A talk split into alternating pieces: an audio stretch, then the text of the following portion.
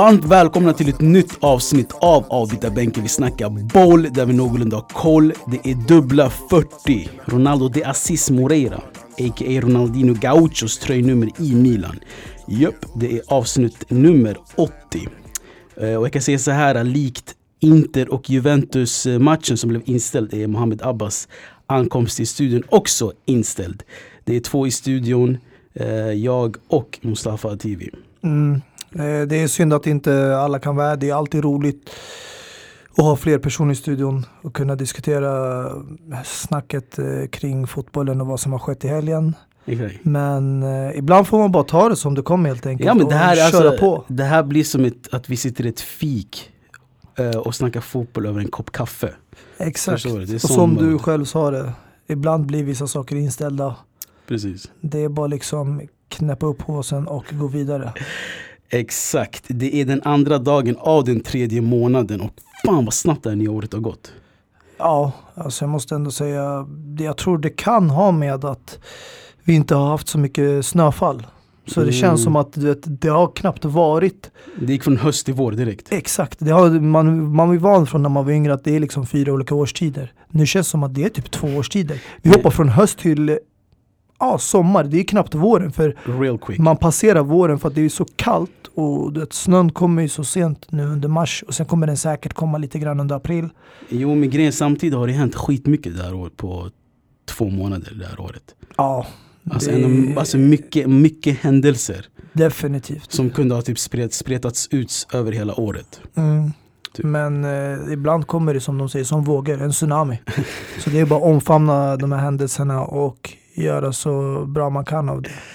Ja, ska vi ta och omfamna fotbollshelgens tsunami då? Det tycker jag. kör vi. Igår spelades ju eh, vad som kallas världens största match. Eh, vissa tycker att den har gått ner sig lite efter att rivaliteten har sänkt sig efter när Cristiano har lämnat. Men egentligen så handlar det inte om en spelare mot den andra. Det är ingen tennis, det är inte Rafael Nadal mot eh, Roger Federer. Det är Barcelona mot Real Madrid och fortfarande är världens största match. Eh, och jag tycker ändå på något sätt att det var en bra match. För oss neutrala i alla fall. Ja, alltså, alltså om man kollar på matchbilden.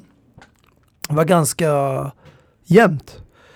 Inte som jag hade förväntat mig för att när jag kollar tillbaka, jag tänker på första El Clasico-mötet.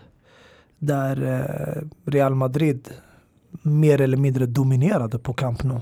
Den här Nej. 0-0 matchen eller? Exakt. Mm. Eh, hade bollinnehavet. Eh, man kan ju argumentera att de hade ju en annan tränare vid den tidpunkten. Barcelona och då var ju Valverde där. Men jag tycker ändå eh, sättet som Real Madrid spelade.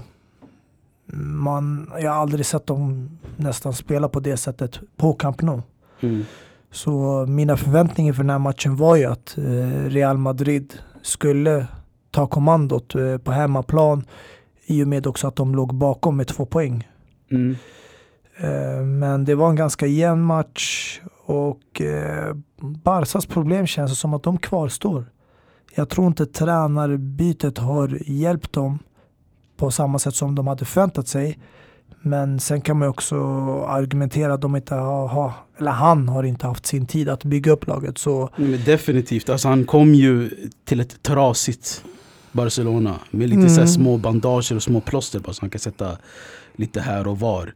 Men inget där han själv har kunnat bygga upp laget och säga det här är mitt Barcelona, låt oss se vad de eh, kan göra. Mm. Nej, alltså det håller jag med om. Han kommer ju få mer tid. Och eh, det i vanliga fall hade man sagt att han har inte hunnit göra sina värvningar. Men nu har han ju redan fått göra en värvning. Eh, Braithwaite som han fick göra. Även fast det fanns eh, ja, eh, ingen annan möjlighet för andra lag att göra värvningar.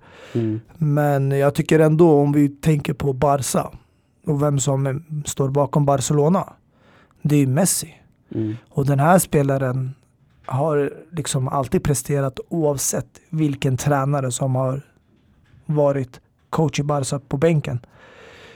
Och eh, när jag kollar på El Clasico och jag tänker Messi, det är alltid där han dyker upp och verkligen visar framfötterna i sådana här stormatcher. Men jag måste säga, det här är nog första gången Det här är nog, jag ser Messi så här dålig i ett El Clasico-möte. Ja, alltså han, han var vidrigt dålig.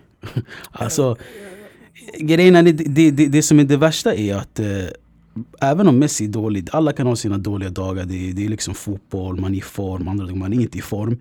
Men det är att allt skulle gå igenom Messi oavsett. Mm. Att det fanns inget spel utan Messi. Det var ju det, det kändes som att eh, Griezmann, han var bara blank. Mm. Eh, det fanns ingenting man kunde anförtro honom med. För att det, så som vi fansen ser på utsidan, det känns som att de på insidan också ser Griezmann. Att man litar inte på honom, man tror inte på den här spelaren lika mycket. Mm. Och det är synd. Och du kollar då på bänken, det finns ingen Dembele eller Suarez. Mm. Eh, Jag tycker, jag förstår än idag inte varför Ansu Fati inte startar. För Mm. att han är ändå spelare med kvalitet. Och jag tycker vid den här fasen som bara säger nu, de har inte tid att tänka på ålder och erfarenhet.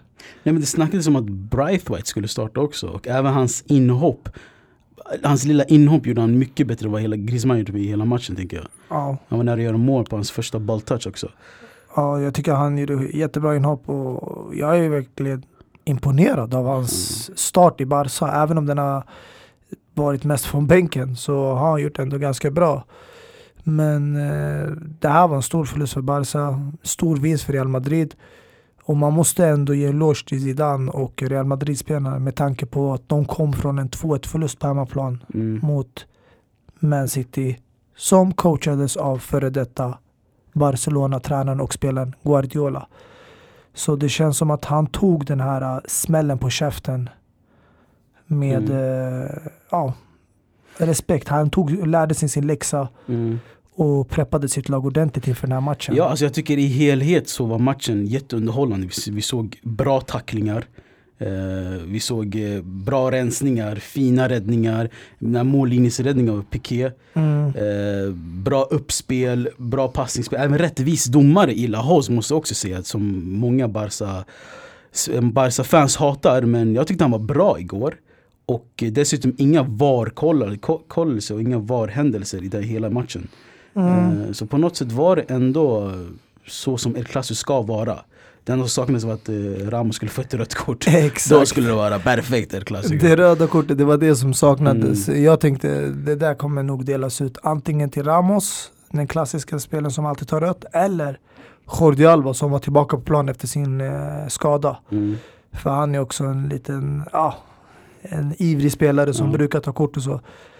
Eh, när det kommer till VAR-grejen, mm, det fanns vissa situationer man kunde ha kollat, men det kändes som att eh, den här dagen behövde inte domaren gå ner till skärmen på sidlinjen och kolla. Mm. Eh, han hade fullt förtroende för grabbarna i videorummet. Mm, det snackades kanske om en straff som Vinicius kanske skulle ha Men inget som var väldigt så här, klockrent också, något misstag eller så Så jag tyckte det var, det var bra match från domarens håll måste jag säga Ja. Ehm, Men sen när vi pratar om den här uh, hypen och förväntningarna på El Clasico. Jag tror det har inte bara med att Cristiano lämnade, alltså lämnade Real Madrid. Jag tror också det har med att förut när man tänkte tillbaka 10-15 år sedan, 20 år sedan. Det var liksom bara stjärnspelare. mm, När du tänkte de här El Clasico-mötena. mm, Real Madrid hade Galacticos. Barca hade sin blandning av de här, du vet, lite utländska spelare med spanska, men det var ändå stjärnspelare nästan i Precis. varje position. Nu när du kollar, okej, Federico Valverde är en för mig fascinerande spelare. Man of the match också Jag har verkligen stor respekt för sådana spelare som gör en dundersäsong. På, alltså, det är hans debut mm. första året, men det är ändå inte de här stjärnspelarna. Nej precis Semedo, eh, alltså, ja, Umtiti. Det är okej som har in och ut från skadan. Sen Real Mm. Madrid har liksom lite blandat där. kan vara, kan vara att fotbollen, alltså att det inte finns så många stjärnor som det fanns förut Att fo- fotbollen börjar bli mer en spelande sport nu Alltså börjar bli mer Alltså mer kollektivt Alltså inte, stjärn, stjärnor sticker inte ut lika mycket som de gjorde förut Typ, tänker jag Ja, det och delvis. Och jag tror också att eh, mittenlagen och de här lagen som var mellan där toppen och mitten, du vet Sevilla, Valencia, Villarreal. Eh, de har kommit lite i kapp. mm. Atletico Madrid mm, mm, kan nu mm. producera stjärnor som man sätter ett högt värde på. Och jag tror förut var det ett större avstånd mellan Real Madrid, Barcelona och de andra lagen. Precis. Nu är inte avståndet lika stort. Det är samma sak när du kollar på England. Alltså det är inte, man pratar inte bara två, tre lag. Nu kan man involvera fem, sex lag som slåss om Champions League-platser. Och det är för att de andra lagen har eh, gjort en stor utveckling de senaste åren och verkligen kommit ikapp de andra lagen. Så det är mindre avstånd och det gör att det blir som du säger, de andra lagen har inte alla de stjärnspelarna. De blir mm. lite mer utspridda. Precis, men matchen i sig då, det blev 2-0 till Real Madrid, Vinicius Junior och Mariano Diaz Som jag för övrigt inte ens visste att han spelade kvar i Real Madrid alltså. Efter den här du vet, matchen mot Roma, när alla sa att han är nya Cristiano, han fick nummer sju på ryggen Sen dess dog han. Hazard kom och tog hans nummer, sen visste inte att han var kvar. Ja. Uh, och det var hans första framträdande i ligan. Och hans första balltouch gör han uh, mål på. Ja, det, um, alltså det måste vara alltså, riktig chanskänsla för honom att få göra ett sånt mål i El Clasico. Han grät ju till och med. Otrolig känsla. Ja, alltså mm. jag tror det här kan bli hans väg in tillbaka i laget. För att de har just nu ingen förtroende för Jovic. Mm. Alltså han har gjort, vad är det, ett eller två mål. Mm. Och Benzema kan inte liksom bära laget på sina axlar och spela två matcher i veckan hela tiden i den här åldern. Han måste ändå eh, kunna sätta sig på bänken, vila lite, rotera som Cristiano gjorde även under Zidane. Så jag tror att Mariano Diaz kanske får mer chanser nu. Eh, han har kanske haft också lite skador och så, men jag tror inte han har fått det förtroendet som han hoppats på. Men jag tror nu kanske han kan ändra Zidans tankar mm. om att värva in en ny. För nu ryktas det ju om Håland. Håland, mm. ja. Till Real Madrid som... Men då tror jag att de kanske tänker långsiktigt med att eh, Benzema lämnar. Och lägger skorna på hyllan eller ja, i alla fall lämnar sin plats i Real Madrid. Eller att Benzema spelar som second striker första åren för som mm. Det går ju också. Så det är, alltså jag tycker ändå det är värt att satsa på Mariano Diaz eftersom han har en historia i Real Madrid. Mm. Han var ju på lån ett eller två år i Lyon. Så mm. jag tycker han har fått den erfarenheten. Han har spelat Champions League så han borde få chansen om han är skadefri. Mm. Speciellt när Luka Jovic har misslyckats helt på toppen. Alltså. Precis. Eh, men jag tänker den första målskytten, Vinicius. Eh, grabbarna jag såg matchen med igår. Eh, och jag, hör, jag tror det var i studion de sa att det här kan bli en Robinho-varning om han inte börjar leverera och gör mål på sina lägen. Så för vi har sett att Vinicius är inte så effektiv i sista tredjedelen som han bör vara. Han har bra rushar, han är jättefin att kolla på, jätteunderhållande. Likt en Robinho var. Robinho var jätteunderhållande att kolla på. Hans översiktsfinter var out of this world. Mm. Men den här sista tredjedelen, det finns inte där. Nej. Så tror du att uh, Vinicius Junior kan bli en Robinho 2.0? Absolut. Det är alltså just nu om man kollar under den här tiden han har hittills varit i Real Madrid så har, har det mesta visat att hans tredjedel är eh, inte bra. Han är inte en effektiv spelare. Alltså han kommer fram i de här lägena. Han tar sig förbi spelare, han gör de här löpningarna. Men det här sista avgörande beslutet att ta ett skott eller passa den, lägga inlägg och vem han väljer att passa den till den har varit katastrofal. Inte bara i den här matchen. Alltså, även nu om han gjorde mål den här matchen. Vi får inte glömma bort att det var en styrning. Han hade Precis. lite flyt med sig där med styrningen på Piqué. Men han, alltså match efter match. Jag känner Real Madrid sumpar bort solklara målchanser. Och det är oftast Vinicius Junior som ligger bakom dem. Mm, mm, jag kommer ihåg alltså, om man spolar tillbaka bandet ett år, två år.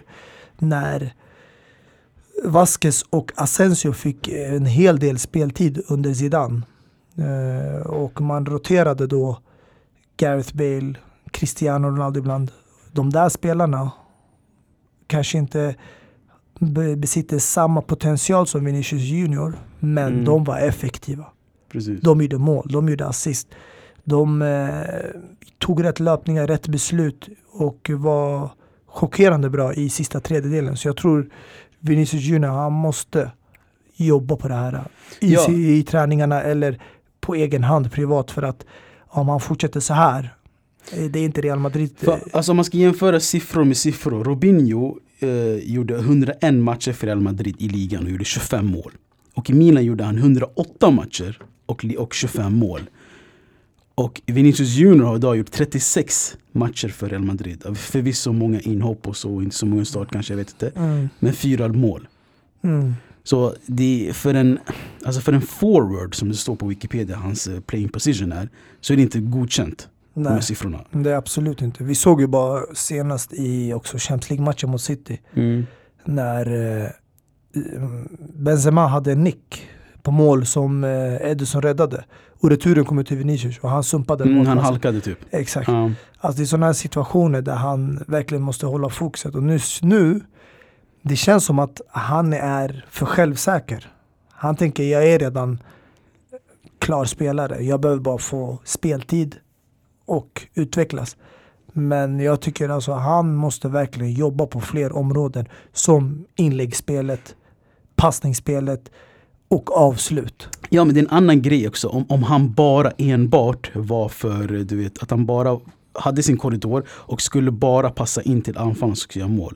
Men han räknas ju också som att han ska göra mål i Real Madrid. Det är det som gör lite grejen att det inte är godkänt. Ja men det är ibland handlar det också om att ta rätt beslut. Han kommer ibland in från kanten Mm. han gör bort sin spelare. Men det är fortfarande spelare som blockerar målet. Så det finns ju där ett beslut som han måste ta. Igår tog han beslutet att avsluta och det gick in i mål. Men hade han missat där, då hade alla pekat finger på honom för att jag kommer inte ihåg om det var Isco eller Carvajal som kom in där bredvid honom till höger och var helt fri, Mm. omarkerad. Så man kunde bara lagt den snett bakåt. Marcelo hade en liknande, situa- liknande situation i första halvlek Mm. där Vinicius la den vidare till Marcelo och han valde att lägga inlägg in mot mitten i mål när han hade en helt ren Isco snett bakåt. Precis. Jag, jag måste också faktiskt alltså berömma nu Zidane i efterhand för jag blev chockad att han startade med Marcelo för eh, Ferland Mendy som Mm. har varit ändå ganska stabil. Men jag tror att han, han kollade mer på erfarenheten väger mest nu här i ett klassiko. Att, att Marcelo går att räkna med. Alltså jag tror också det. det. De har en bra poäng i det. Men jag tror om Barcelona skulle haft Suarez eller Dembele tillgänglig. Då hade Zidane kanske lagt mer tyngd på försvaret. Och där måste jag säga att Ferland Mendy är bättre än Marcelo när det kommer till försvarsspelet. Mm. Men nu kände de att det fanns inget hot. Det enda hotet var Messi. Ja, och såg hans tackling på Messi också. Ja, När, när han nästan kom avgörande tackling faktiskt. Eh, Så Marcelo still got it. Innan vi lämnar er klassiker helt, jag tänker bara på, eh, förra avsnittet så snackade vi om eh, Modric frånvaro i City, eh, vad säger jag, Kroos frånvaro i City-matchen. Och idag, eller igår så startade han eh, i matchen och vi såg ju assisten till Vinicius Junior. Såg du handgesten när han skickade bort honom? Så, det är det där spring vill- åt mig, spring åt mig! Det är där jag vill lyfta fram. Alltså det, Ja. alltså många har ju sina favoritmittfältare men just nu och alltså även när jag kollar tillbaka de senaste åren. Många säger liksom ja, Cristiano, Benzema, Ramos, Marcelo, absolut. Men alltså Toni Kroos har varit en avgörande spelare. Han kanske inte har varit en Ballon d'Or-vinnare eh, som Modric men alltså i mina ögon har han varit avgörande spelare i deras Champions League-vinster och i deras spel när det kommer till att hålla i bollen, lugna ner spelet, ta rätt beslut, rulla bollen och kontrollera och sen de här handgesterna, att han ger order. Nej, alltså, Han får spelare att röra vem sig i den riktningen. Kroos, Vem ger Kroos den här tiden att diktera spelet, att dirigera? Men de vet att även om du sätter press på honom, han kommer kunna vända bort en spelare och sen Mm. kanske han väggar det med Casemiro, Isco och så rör han sig hela tiden till nya positioner. Han står inte stilla. Och eh, det som är också sjukt bra med honom det är att han är inte bara en innermittfältare. Han är också väldigt farlig utanför boxen. Får han de här skottlägena, höger, vänster, han kan sätta dit dem. Men igår var han avgörande med sina assist och det såg vi med hans eh, handgester och hur han väljer ut sina passningar. Han kunde valt att göra enkla vägen, bara rulla tillbaka till Marcelo eller tillbaka till Casemiro in i mittfältet. Mm. Men han väntade på den där löpningen. Han Mm. såg luckan och han gesterade, gå, gå dit! Precis. Och till slut fick han löpningen som han önskade och han la in passningen fint. Exakt. Så jag tycker det var ett stort misstag av Zidane att sätta Isco på bänk, eller förlåt, Toni Kroos på bänken mot Man Mm. City. Och nu man insåg efterhand hur mycket de saknade en sån spelare. Mm. Och eh, med det målet gjorde ju Vinicius, eh, han, var, han var den första tonåringen att göra mål i El Clasico sedan 2007. Det säger också en hel del om eh, målfördelningen i El Clasico. Mm. Sista grej bara, är Toni Kroos årtiondes bästa kap? Alltså förra årtiondets bästa kap. Ja, jag skulle definitivt säga Han är i alla fall någonstans där uppe alltså, i alla Jag fall. kommer ihåg när eh, hans kontrakt höll på att löpa ut. Och alla pratade om den där utköpsklausulen. Den där billiga, låga utköpsklausulen på 25 miljoner euro. Exakt, Eller 20 eller vad det var. precis. Och United var ju där med i dragkampen. Mm. Mm, det snackades mycket. Jag tror det var David Moyes som Mm. kanske var tränare under Det är den det. Alltså, tiden. de, de frågade ju Toni Kroos eh, för någon dag sedan eller så. Eh, De frågade vad hände med United-flytten? Och han sa allt var klart. Alltså, allt var packat och klart. Jag skulle till Manchester och allting. Men sen fick David Moyes sparken. Mm. Sen visste inte han vad han skulle göra efter. Så det blev Real Madrid.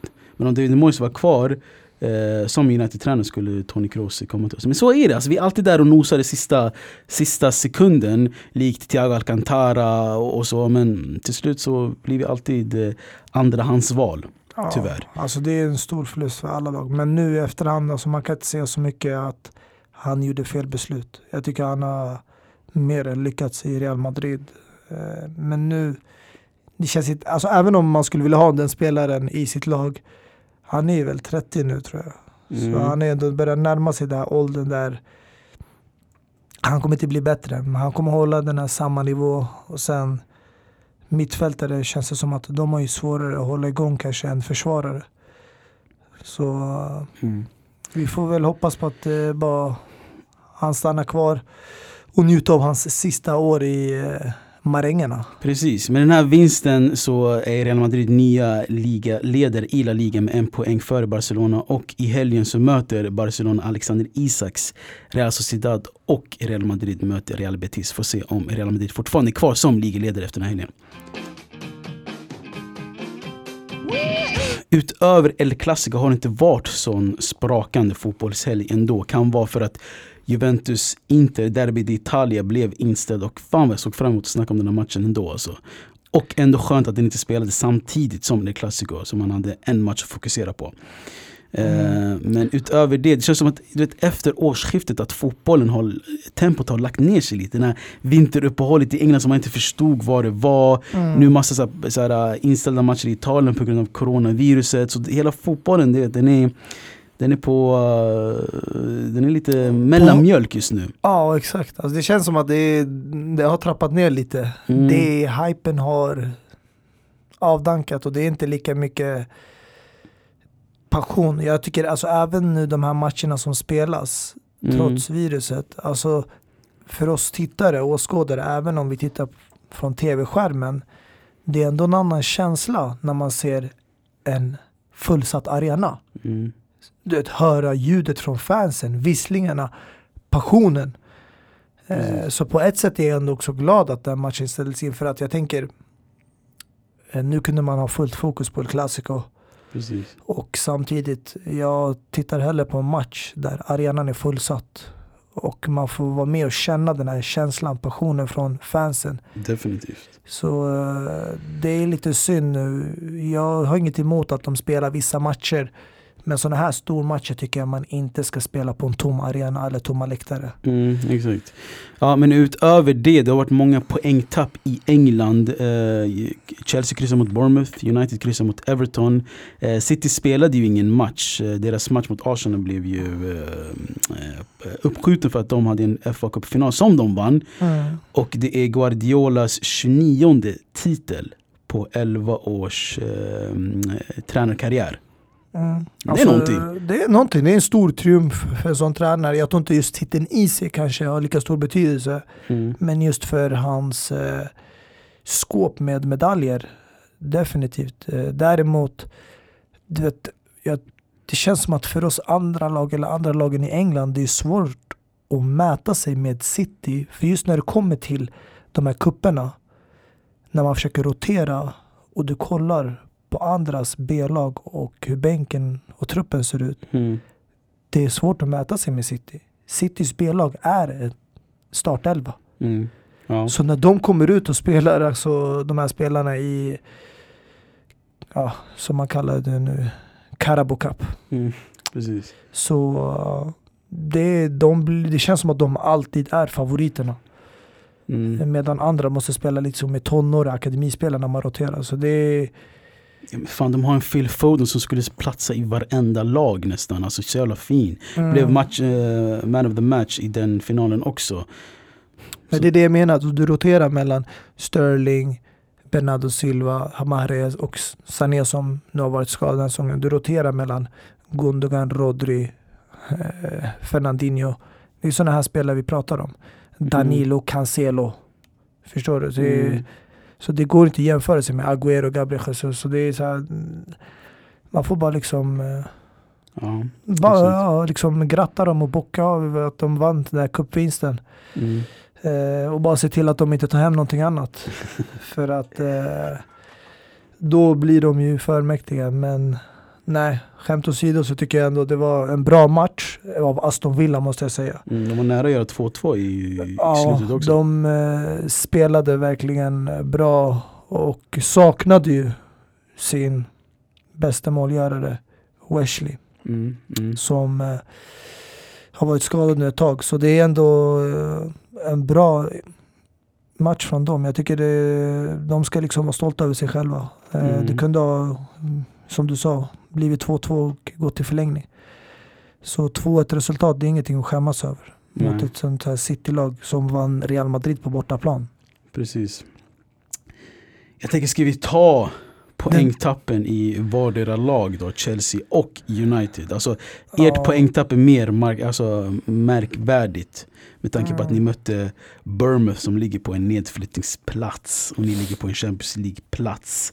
Ehm, Alltså det är inte just poängtappet som eh, svider. Alltså det är ett, när man kollar en match så brukar man avgöra i efterhand utifrån matchbilden om det var välförtjänt. Men när man kollar på sån här match och man ser vilka chanser laget hade och hur dominansen var under större delen av matchen. Just Chelsea och den här säsongen med Lampard är det här ett upprepande problem att just man har en, en 10-15 minuter där laget bara somnar till. Och man kan släppa in 2-3 mål på under de här 5-10 alltså 10 minuterna. Och det gjorde man exakt mot Bournemouth. Man hade kontroll på matchen, man hade ledningen och sen bara slocknade allt. Och sen när man ligger under, om man har släppt in så här två billiga mål och eh, inte är 100% fokuserad och tappar fokuset, då vaknar man till igen. Men då är det för sent och man hinner bara rädda ett poäng. Och ja, det är därför jag känner att det här är något som kommer bearbetas under lång tid. Men som du säger själv, det var ett stort poängtapp. Eh, speciellt med tanke på matchbilden och man mötte ett lag som var på nedflyttningsplats. Mm, men det, som gör det, alltså, det som gör så att det inte svider lika mycket det är att lagen bakom er, United och Tottenham tappade poäng också. Mm. Tottenham förlorade mot Wolverhampton som gick förbi dem och ligger på en sjätte plats nu. Mm. Lika mycket poäng som United som ligger på en femte plats. Jag måste ändå säga, även om Chelsea mötte Bournemouth eh, och United mötte Everton, det största poängtappet måste ändå vara Tottenham för att de spelade på hemmaplan. Och eh, ja, de möter en formstark Wolverhampton Mm. som slog ut eh, Espanyol ur Europa League. som utan, ligger sist i La Liga. Ja, men de gjorde det med enkelhet. Mm. 4-0 hemma och sen borta var det inga konstigheter. Mm. Eh, Sen i ligan har de haft väldigt bra resultat. Men jag tycker ändå en förlust är oacceptabelt på hemmaplan. Mm. Och Mourinho, den erfarna tränaren, han ska kunna lista ut sådana här matcher.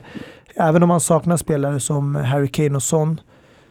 Men eh, jag känner ändå att de eh, gjorde det bra offensivt. De Men, det gav, inga, men det är inga bara spelare. Det är Harry Kane och Heung-Min Ja men alltså jag kan ju sitta och, och skylla på att okej Chelsea-spelarna är kanske inte lika avgörande som de är. Men om man kollar på den, just den här säsongen och inte tidigare år. Abraham har varit den bästa målgöraren och är en viktig del i Chelsea. Och nu har man saknat honom flera matcher. Han fanns inte där. Mm. Men jag tycker ändå inte det är ingenting man kan ursäkta sig med för att vi har tillräckligt bra spelare på bänken i truppen som ska klara av det jobbet. Mm. Definitivt.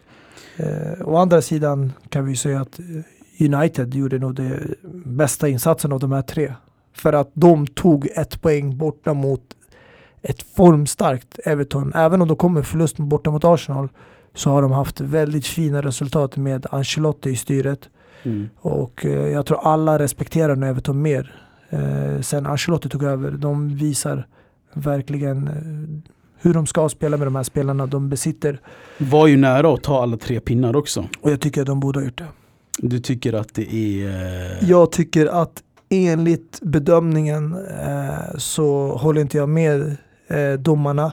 Jag vet inte egentligen om det var själva killarna i videorummet som tog det där beslutet genom VAR för att huvuddomaren sprang ner till linjedomaren mm. och pratade med honom. Mm. Det känns som att de tillsammans kom överens om ett beslut. Men hur som eh, helst, alltså... Och när man kollar situationen, det man brukar prata om att, att om man står i en offside-position där man blockerar målvaktens syn och påverkar spelet, då är det offside. Men i det här fallet, alltså Sigurdsson som då var i offside-position, han låg ner på gräset. Ja, han så, så, så, du menar han integrerar inte med spelet? Nej, för att han blockerade inte. De Gea hade klar synvinkeln när, han, när skottet togs från eh, Calvert Lewis Klein. Och att han inte hann rädda bollen, det hade ingenting med att inte han såg bollen. Det var med att den styrdes via Maguire okay. som gjorde att han tog ett steg till höger och var inte beredd på den där styrningen och bollen styrdes in i vänsterhörnet. Okej, okay, jag, ska, jag ska fråga en enkel fråga. Jag ska fråga en enkel fråga. Jag vill bara avsluta det. Men ja. hade bollen touchat Sigurdssons ben efter Maguire, då hade jag dömt offside. Men eftersom han flyttade på sina fötter så att inte han medverkade i styrningen och han stod inte upp, blockerade de Geas syn, så tycker jag målet borde ha godkänt. För att de Gea såg eh, bollen från början när skottet togs, men den ändrade riktning via en United-spelare. Och sen får vi inte glömma bort att Sigurdsson låg ner på gräset på grund av en tackling. Okay. Från United-spelare. Så man kunde ändå resa sig och ja, gått från Men en fråga, en enkel ja. fråga. Varför flyttade Sigurdsson på sina ben? För att om han hade touchat den För att inte bollen skulle komma emot honom, eller hur? Nej nej nej, för att bollen För att, för att inte bollen skulle röra honom, eller hur? Ja, ja exakt Och om han tar bort sina fötter så är han automatiskt med i spelets uppbyggnad. Hänger Men du med? Det, är inte därför de dömde offside. De dömde offside för att de Gea inte kunde se bollen. Han skymde hans syn, men det gjorde han inte. Den enda anledningen han tog bort benen var för att om han får en touch på benen, den sista touchen, då blir den avgörande i domarens ögon. Och då blir det att en Everton står för målet. Men nu kunde det stå eller i livescore Maguire own goal. Nej men alltså det är inte folk förstår OG. är det, är så, det, det, alltså det folk måste förstå är så fort bollen rör sig i riktning mot Sigurdsson då är det offside. Och mm. även, ja, även, även om de Gea såg eh, boll, eh, vad säger man? bollbanan, bollbanan och, och så, mm. så sköts ju bollen från marken som Sigurdsson sitter i. Det är mm. nummer ett. Och i faktumet som jag sa, att han tar bort sina ben gör att han är en del av spelet. Och om du är en del av spelet och är i offside, så är det offside! Förlåt, men det är alltså, offside. Det är olika bedömningar som sagt. Så jag, jag ser det klart och tydligt att eh, om du integrerar med spelet så är det offside. Alltså jag förstår din synvinkel av det. Nej, alltså jag försöker men prata jag håller på, ett, med... på ett mest neutralt sätt som möjligt. Absolut, och det, jag förstår din synvinkel men jag håller med tyvärr Ancelottis frustration efter matchen. Jag måste såklart, säga att jag förstår de känslorna. Såklart, såklart. Jag skulle också vara frustrerad. Uh, och så, men Ja, alltså jag, jag säger så här. Om båda lagen hade på sig vita kläder och jag inte såg vem som mötte vem skulle jag säga vänta, vänta, det där är offside. Förstår du? Om jag inte visste ja, att United spelade. Det. Jag bara säger alltså, jag skulle, jag skulle ropa offside i vilken match som helst. Eftersom jag är neutral fan så måste jag säga att det där borde stått fast. Mm. Let's agree to disagree då. En annan grej jag måste också nämna det är att, såg du De Geas majors tabbe? Ja, det är, mm. alltså De Gea har stått för en hel del tabbar men det har varit oftast när United har varit liksom Sånt, sånt, sånt ser man ju så på U12-matcher, så här, när sexåringar spelar eller så här, på en Fifa-bugg. Men alltså, det handlar väl om att jag tror man har det där självförtroendet att man ändå känner sig som en toppmålvakt. Man, även om man har varit med om mycket turbulens man har ändå det självförtroendet, man mm. tror mycket om sig själv. Så, men ibland gäller det också att vara försiktig. Jag vet att det finns några toppmålvakter som har också varit nära på att göra sådana tabbar där det kommer en spelare som pressar. Mm. Men den åker inte in i mål. Nej jag trodde först jag kollade på Champions League-matchen mellan Liverpool och eh, Real Madrid. och trodde Karius vi hade i, i mål. Jag tror inte man kan jämföra den tabben där man bara kastar ut bollen. Det här är en Champions League-final också. Men nej, det, det, det jag undrar är, eh, EM på väg. Eh, de här båda spanska målvakterna, De Gea och Kepa Arrizabalaga är inte i sina form. Alltså som, som de ska vara i. Kepa som är petad av Caballero, De Gea som gör tabbe efter tabbe, ligger på typ så här, jag tror Exakt, jag tror han, han toppar listan av eh, vilka målvakter som har gjort mest errors i ligan. Mm. Alltså Frågan läste, är, vem startar för Spanien i EM? Alltså det är en svår fråga. Jag, alltså i den här situationen där det är väldigt liksom, svårt att välja eftersom ingen målvakt för spanska landslaget har haft en kanonsäsong så skulle jag sätta den mest erfarna och det är de Gea. Mm. För att han är den mest rutinerade. Men å andra sidan, det jag kan argumentera eh, för liksom Kepa, det är att hans situation berör inte bara honom. Det är försvaret som också har varit väldigt obalanserat. Alltså, om du kollar på Lamports 11, han har roterat väldigt mycket. Du vet, I början av säsongen var det Emerson som startade. Sen fick vi se Aspilicueta starta som vänsterback och Reece James hoppa in som högerback. Nu har vi fått se Alonso starta mer och mer som vänsterback. Och sen i mittbackspositionerna hade vi Zuma Tomori i början. Idag är det Andreas Christensen och Rudiger som startar. Så det har varit väldigt mycket förändringar i försvaret som gör att Chelsea inte har haft den här balansen och det där säkra, stabila försvarsspelet som man haft tidigare med du vet, John Terry, Branislav Ivanovic, Mm, Ashley Cole. Carvalho, Alex. Men om man tänker för utanför boxen Unai Simon, Athletic Bilbaos målvakt som ersatte Kepa i, när han lämnade från Mm. Bilbao 97 var jätteung, jättebra målvakt men samtidigt som du säger erfarenhet krävs Mm. i sådana mästerskap. Men han är också en jättefin eh, målvakt. Eh, jag tänker på Paul Lopez också eh, som spelar i, vart spelar han? Han spelar väl i Roma? Ja, exakt. Exakt, Roma. Kom från Betis till Roma. Eh, eller Peperina to the rescue. Det är det jag tänkte, alltså, det, ja, jag hade inte valt de unga målvakterna, inte ett sånt mästerskap. Alltså det är riskabelt, men också det är liksom ett kort som tränare ibland kan chansa på. Eh, men eh, jag hade hellre kört med de Gea eller Peperina som du säger eftersom han har ändå mest erfarenhet och han har fått träna med Casillas och Victor Valdes. De, Precis, när spanska målvakterna var på deras peak. Alltså, han där. Exakt, så där, det, det, ja, för mig hade jag kört med de valen. eh. Så Mm. det, är, det är en svår situation. Men Men, som sagt, du- det är fortfarande långt kvar till säsongen är över. Och de har fortfarande tid att lyfta upp sig. Ja men samtidigt som du säger, det är en helt annan backlinje i Spanien som de Gea kommer att ha framför sig också. Mm. Det är inte Lindelöf och Maguire. Men det är ändå mer eller mindre samma. Vi vet liksom högerbackspositionen och mittbackspositionen är två Real Madrid-spelare. Mm. Det är Ramos och Carvajal. Mm. Vänsterbackspositionen, om Jordi Alba håller sig skadefri, blir väl han. Eh, sen mittbackspositionen, det är där det är en kamp om den där sista platsen. Mm. Precis.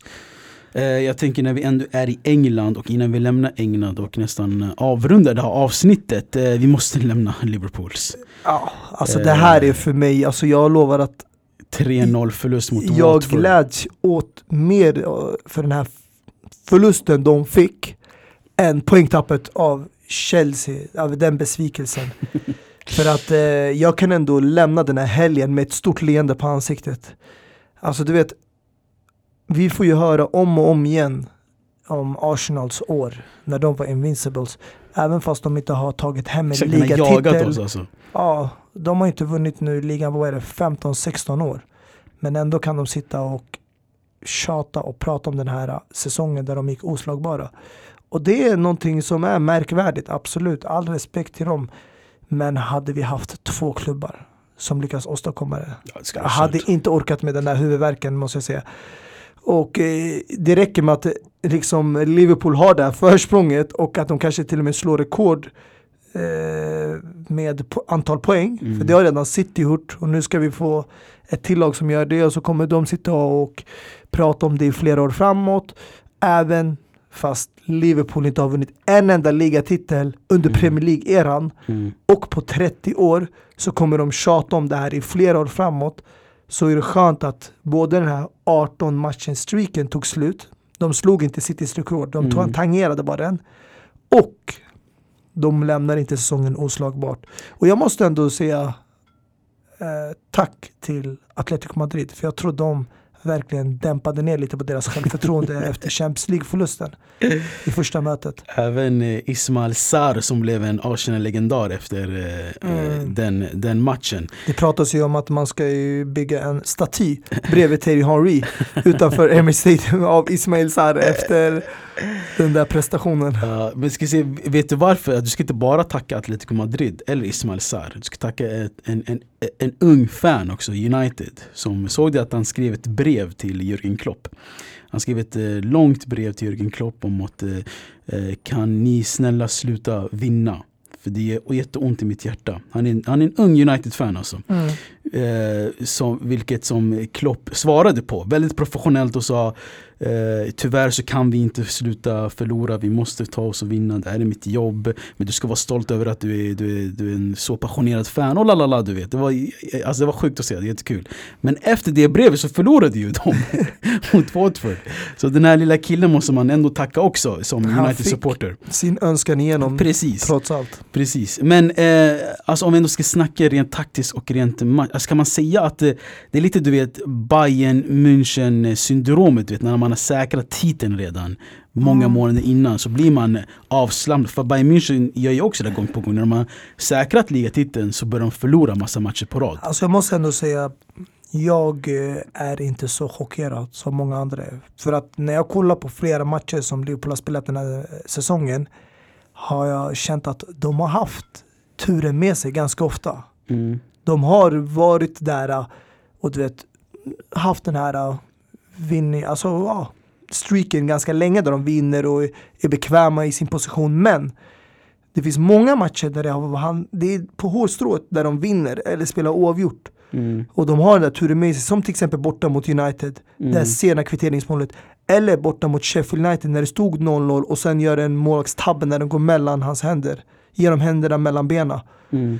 Och nu blev det likadant förra veckan om du såg mot West Ham. West Ham, exakt. Exakt som mot. Sheffield United. De leder med 2-1 och 2-2 målet, kvitteringsmålet, genom hans händer mellan benen.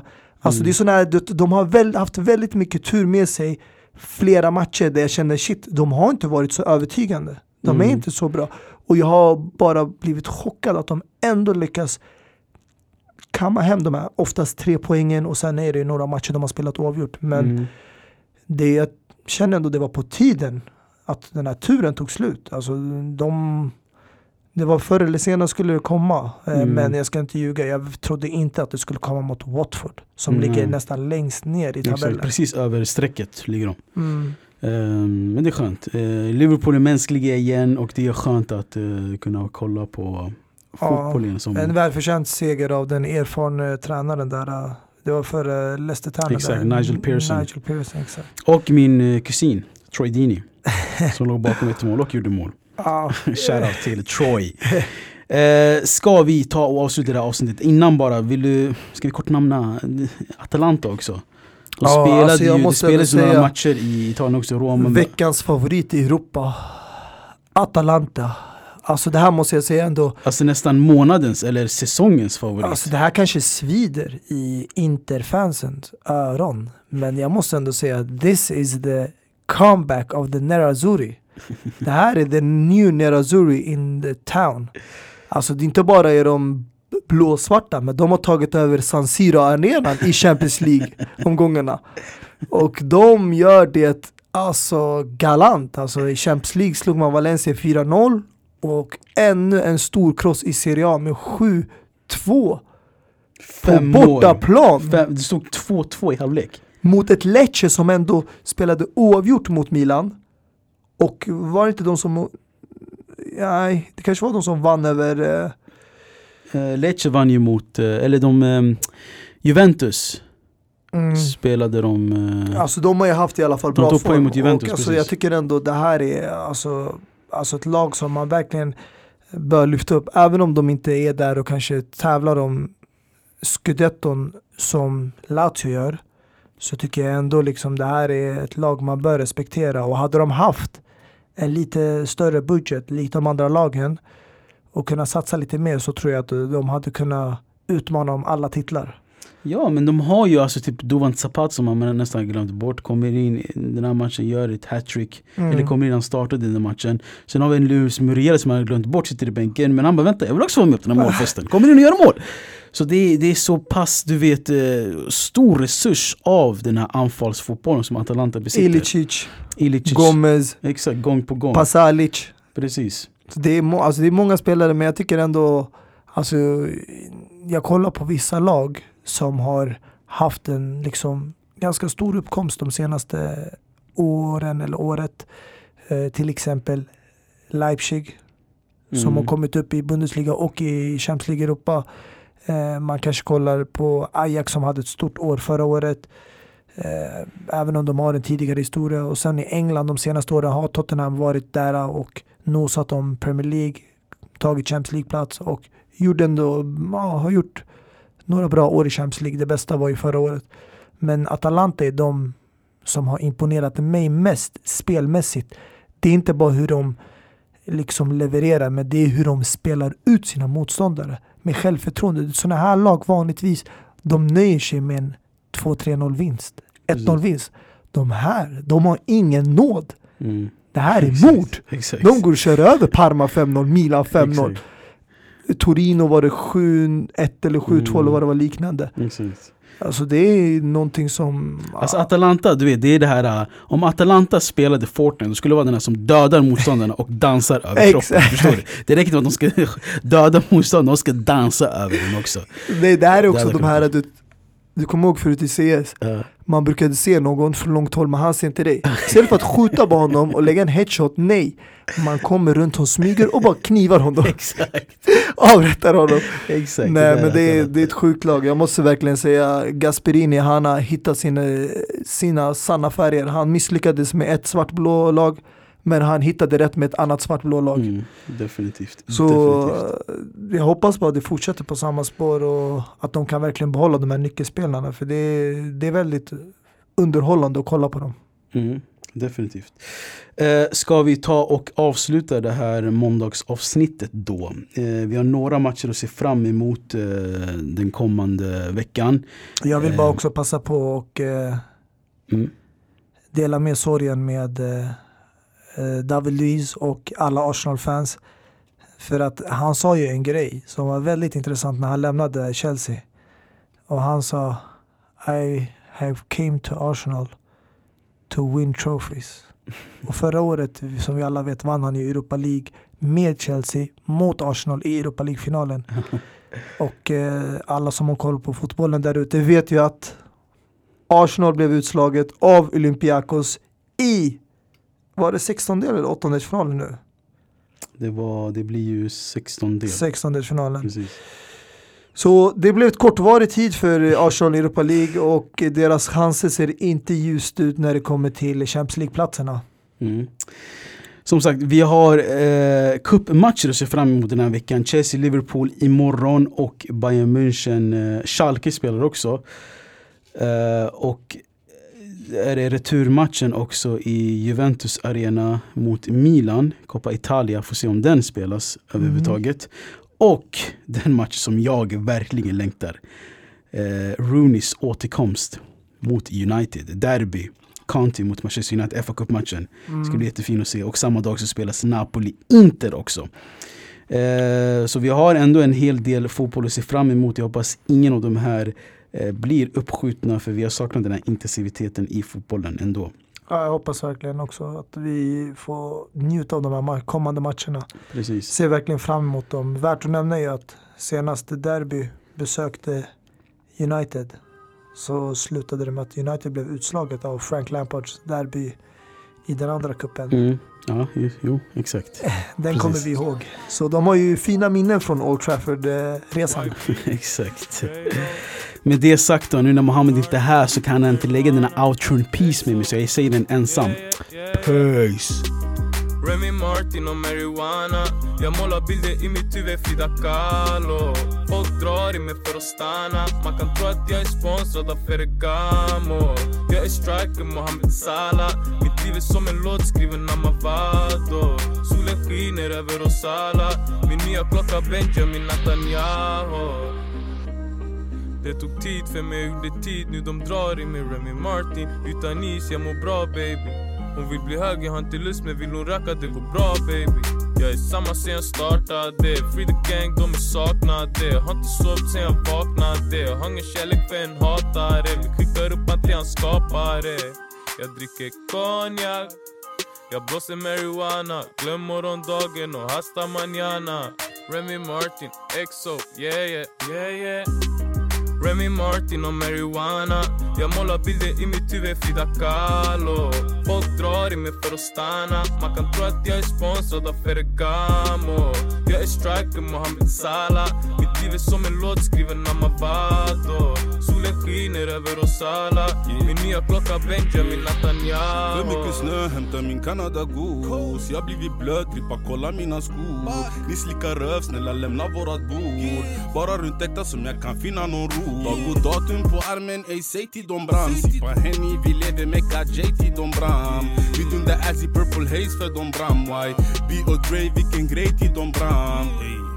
Remy Martin och marijuana Bror jag släpper jag Roberto Carlos Gör det fel man inte betala För när det gäller para är min brorsa vamos Remy Martin och marijuana. Jag målar bilder i mitt huvud, Frida Kahlo Folk drar i mig för att stanna Man kan tro att jag är sponsrad av Ferragamo Jag är striker, Mohamed Salah. Mitt liv är som en låt skriven av Mavado Solen skiner över oss alla Min nya klocka Benjamin Netanyahu Remy Martin och marijuana